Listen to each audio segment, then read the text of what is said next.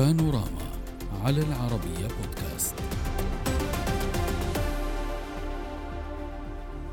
الاتفاق أو الإعلان عن الاتفاق بين السعودية وإيران بوساطة صينية لاستئناف العلاقات بين البلدين بعد قطيعة دامت سبع سنوات أحدث مواقف متباينة لدى النظام الإيراني بين مرحبة وأخرى متفاجئة بل وانعكس على إعلامه الذي تحدث عن حالة من الصدمة والإرباك في الشارع الإيراني.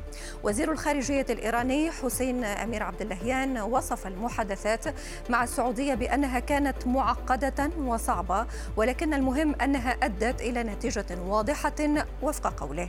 وأكد عبد اللهيان على أن الاتفاق لإعادة تفعيل العلاقات الدبلوماسية ليس موجها ضد أي دولة وأن الاتفاق يخدم مصالح البلدين ويصب في صالح دول المنطقة. في حين صرح المتحدث باسم الخارجية الإيرانية ناصر كنعاني بأن استئناف العلاقات السياسية بين إيران والسعودية أظهر فاعلية ونجاح الحل الدبلوماسي لتسوية الخلافات مضيفا أن هذا التطور الدبلوماسي المهم يمكن أن تكون له أثار ونتائج إيجابية في العلاقات الإقليمية بين الدول الموجودة في هذه الجغرافيا المشتركة. أما عضو لجنة السياسة الخارجية في البرلمان الإيراني فدح حسين مالكي فقد صرح بأنه كلما اقتربت بلاده من دول الجوار والمنطقة أكثر فإنه يمكن حل مشكلاتنا كما قال بمساعدتهم. بينما اعتبر مستشار المرشد الإيراني يحيى صفوي أن الاتفاق يعد زلزالا في الساحة السياسية آملا في أن تتحرك المنطقة نحو الأمن والسلام المستدام بعد هذا الاتفاق. نناقش هذا الملف مع ضيوفنا من الشرقية كامل الخطي الكاتب والباحث السعودي أهلا بك. من بيروت مصطفى فحص الكاتب الصحفي أهلا بك. ومن دبي مسعود الفاك الباحث في الشأن الإيراني. أهلا بكم ضيوفي الكرام. اسمحوا لي أن أبدأ من بيروت معك أستاذ مصطفى. أستاذ مصطفى لفهم هذه العلاقة وهذه المقاربة بما يخص النظام الإيراني بمعنى إذا ما حاولنا تصنيف النظام الإيراني آه، وقربناه بمفهومين مفهوم الدولة كما تؤطرها أو يؤطرها المجتمع الدولي ويعرفها ومفهوم الثورة التي بنت عليها إيران سياستها. أين هو النظام الإيراني من هذين المفهومين؟ إذا كان السؤال يتعلق مفهوم آه، تفسير النظام الإيراني من الاتفاق الصيني. يعني أكمل سؤالك فأعتقد أن هذا الاتفاق جرى مع مفهوم الثورة. بمعنى ما يطلق على أنفسهم النظام أي الثورة هم من وقعوا هذا الاتفاق. لأن ما كنا نعتبره الدولة لا تستطيع أن تنجز هكذا اتفاق كما يقال دائما أن السلم يحتاج إلى يمينين. فقد تحقق الم... قد تحقق وتحقق هذا آه، لأن في إيران انتهت الطب... انتهت معنى الطبيعتين في النظام الإيراني. الآن هناك طبيعة واحدة نعم. طبيعة حزب اللهية ممكن تسميتها بالجمهورية المرشد الثاني أو المرحلة الخامنائية. أي الحزب اللهية التي توحدت طبيعة النظام ضمن الطبيعة التي يريدها السيد علي خامنئي. الآن الحكومة ورأس ورأس الحكومة بمعنى رئيس الجمهورية أجهزة الدولة أجهزة النظام أو الثورة هو ضمن آه، إدارة واحدة أي أنها متجانسة. هذا التجانس يمكن القيادة النظام الإيراني من تحقيق هذا الاتفاق. ولكن تحقيق هذا الاتفاق هنا نعود إلى طبيعة أخرى يحتاج إلى طبيعة الدولة وليس إلى طبيعة الثورة.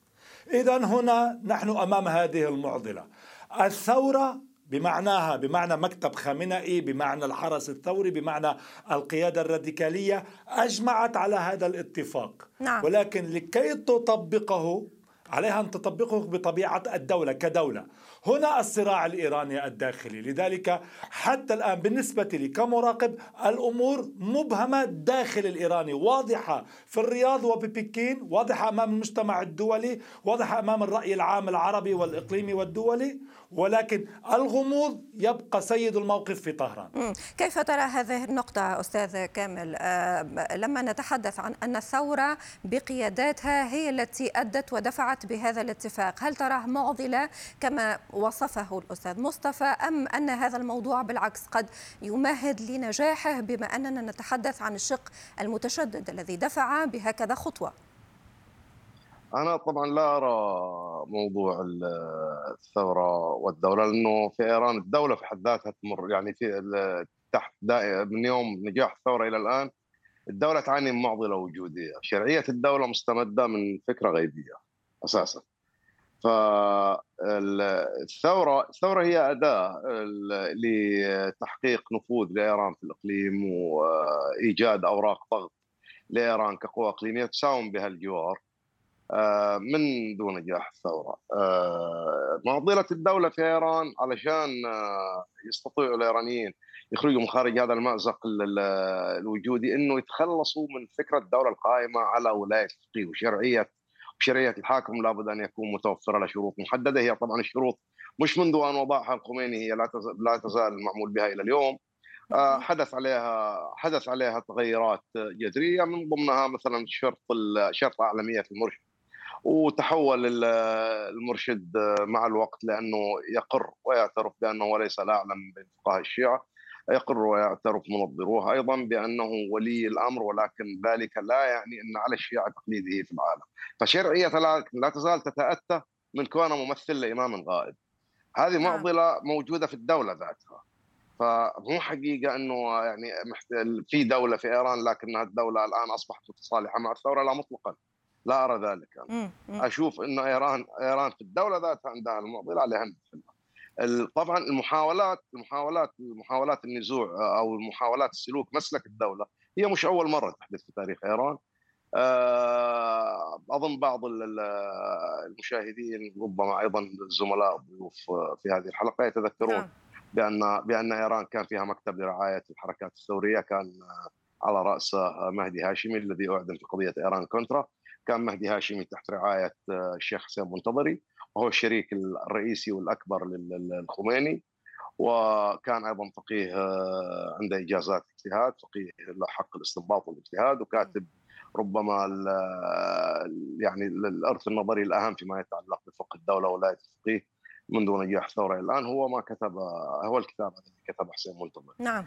حسين منتظر حسين منتظري بعد إزاحة مهدي هاشمي أيضا نفوذ حسين المنتظري بدا يتضاءل إلى أن عزل إلى أن مات آه، معزول من جميع مناصبه ومحروم من جميع وسائل القوة والتأثير داخل الدولة.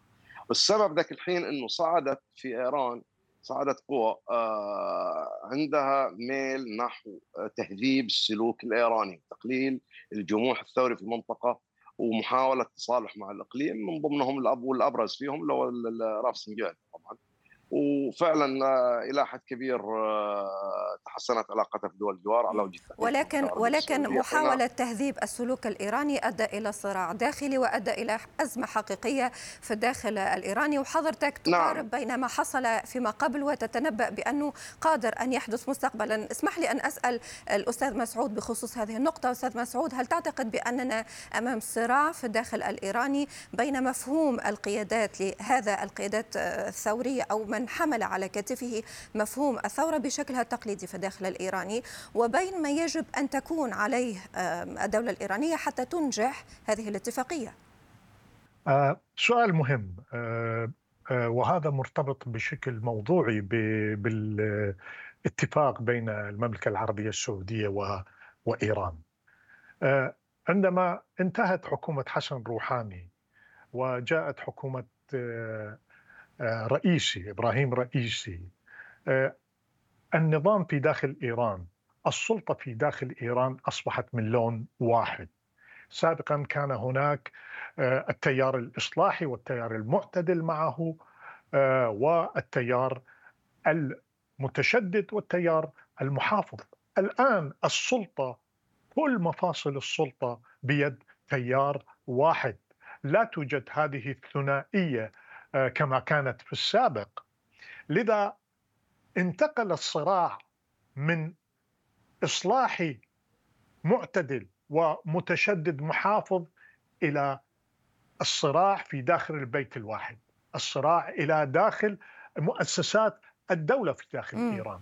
وهذا الصراع في واقع الامر في نفس الوقت للحفاظ على النظام حتى لا ينهار هذا النظام.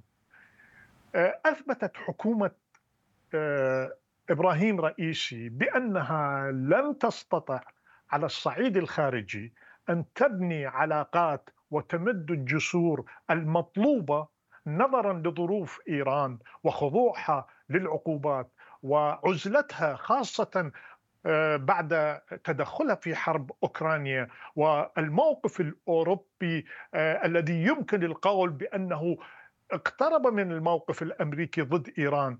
هذه السياسة الخارجية الإيرانية باعتقادي آه، الآن يحاول التيار الآخر الذي نعم. هو أقرب إلى المرشد ينقذ الوضع عندما يكون وزير الخارجية الإيراني لا يجيد التحدث باللغة الإنجليزية لا يجيد التحدث باللغة العربية آه، لا يعرف أوليات السياسة الخارجية حتى هذا أثر سلبا على علاقات إيران الخارجية وإيران في هذه العزلة بدأت تدفع الكثير والكثير. لذا أرادت أن تخرج من هذا الوضع المفروض عليها. أسبابه الجزء الأكبر داخلي نعم. الآن في هذه المرحلة. لذا وجدت بأنه يجب أن تبني علاقات إقليمية. والعلاقات الإقليمية هو السد المنيع أمام هذه العلاقات الإقليمية. علاقاتها المتوترة مع المملكة العربية السعودية. صحيح لذا هناك هناك لجأت عمل إيران إلى هذه إلى هذه الاتفاقية ولجأت إلى آه، محاولة التقارب. ولكن سيد مصطفى هل تعتقد فعليا بأن هناك نية حقيقية في الداخل الإيراني للدفع بنجاح هذه الاتفاقية؟ آه، ومنذ قليل حضرتك تحدثت عن معضلة بالداخل الإيراني وعن هذا الانقسام أو على الأقل هذه الاختلافات. هل ترى بأنه هذه المعضلة قادرة أن تفسد ما تم الاتفاق عليه. إلى أي مدى هذه آه، المعضلة أو هذه الهوة بين الشقين قادرة أن تؤثر على مسار هذه الاتفاقية؟ آه، سؤالك سأجيب سأبدأ من حيث انتهى أستاذي مسعود. عندما تكلم عن الطبيعة الواحدة وأن آه، من يحكم إيران الآن وأن أن الصراع انتقل إلى داخل البيت الواحد. فعليا نعم هي حقيقة. نحن الآن أمام مواجهة البيت الواحد أو آه، قيادة خامنتي بأجنحتها والجناح الأساسي منه هو الحرس الثوري. لدى الحرس الثوري جناح آخر هو فيلق القدس. آه، الآن السؤال يطرح نفسه. ماذا يفعل فيلق القدس بعد هذا الاتفاق؟ هو معطل في كل المستعمرات الإيرانية هذا التي هذا نافذة فيها العراق هذا اليمن. سنناقشه بأكثر تفاصيل ولكن في الجزء الثاني. ولكن أكمل فكرتك وخليها مدخل لما سنناقشه طيب مش رح أوسع فيها. مش لا مش لا مش لا أوكي خلاص رح ألتزم مش مش أوسع فيها. إذا هناك يعني كمان لا أكمل من عند الأستاذ مسعود. النظام الطبيعة الواحدة الآن لديه أزمة حقيقية في المرحلة الانتقالية. من سيخلف خامنئي؟ الموت المفاجئ للمرشد. هل من هو من هي؟ كيف ستكون طبيعة المرشد؟ بعد مقتل قاسم سليماني خرجت كل الصراعات التي كان يضبطها قاسم سليماني داخل هذا البيت. الاتفاق جاء إما أن ليخفف الضغوط فيما بينها ويفسح مجال لنقاش إيراني داخلي حول المرحلة الانتقالية في إيران وهذا له إيجابيات وله خسائر جانبية في الطبيعة نعم. الإيرانية قد تكون كبيرة لأن هناك فعليا داخليا داخل أروقة الحرس وداخل أروقة رجال الدين الراديكاليين أو الإكليروس المتشدد في إيران الذي ينتج ولاية ولاية سلطة ولاية الفقيه أيضا هو يفقد مبررات صراعاته لأن هذه الطبيعة هي فاقدة للمشروعية الشعبية. ونحن نرى ماذا يجري في إيران من خلال الانتخابات ومن خلال الشرع ومن خلال عقدة الحجاب. والآن يفقد مشروعيته الثورية في الخارج. تعطل تعطل هذا النظام. هذا سيفجر الداخل. نعم. من سيمضي مع الغطاء الذي يؤمنه المرشد لهذا الاتفاق؟ وكيف ستخرج هذه الاعتراضات من الداخل؟ وعندما تخرج من داخل البيت الواحد من الطبيعي أن تكشف عن انشقاقات كبيرة. ستؤدي إلى تعطيل ما فكر به المرشد. شكرا جزيلا لكم. السلام عليكم.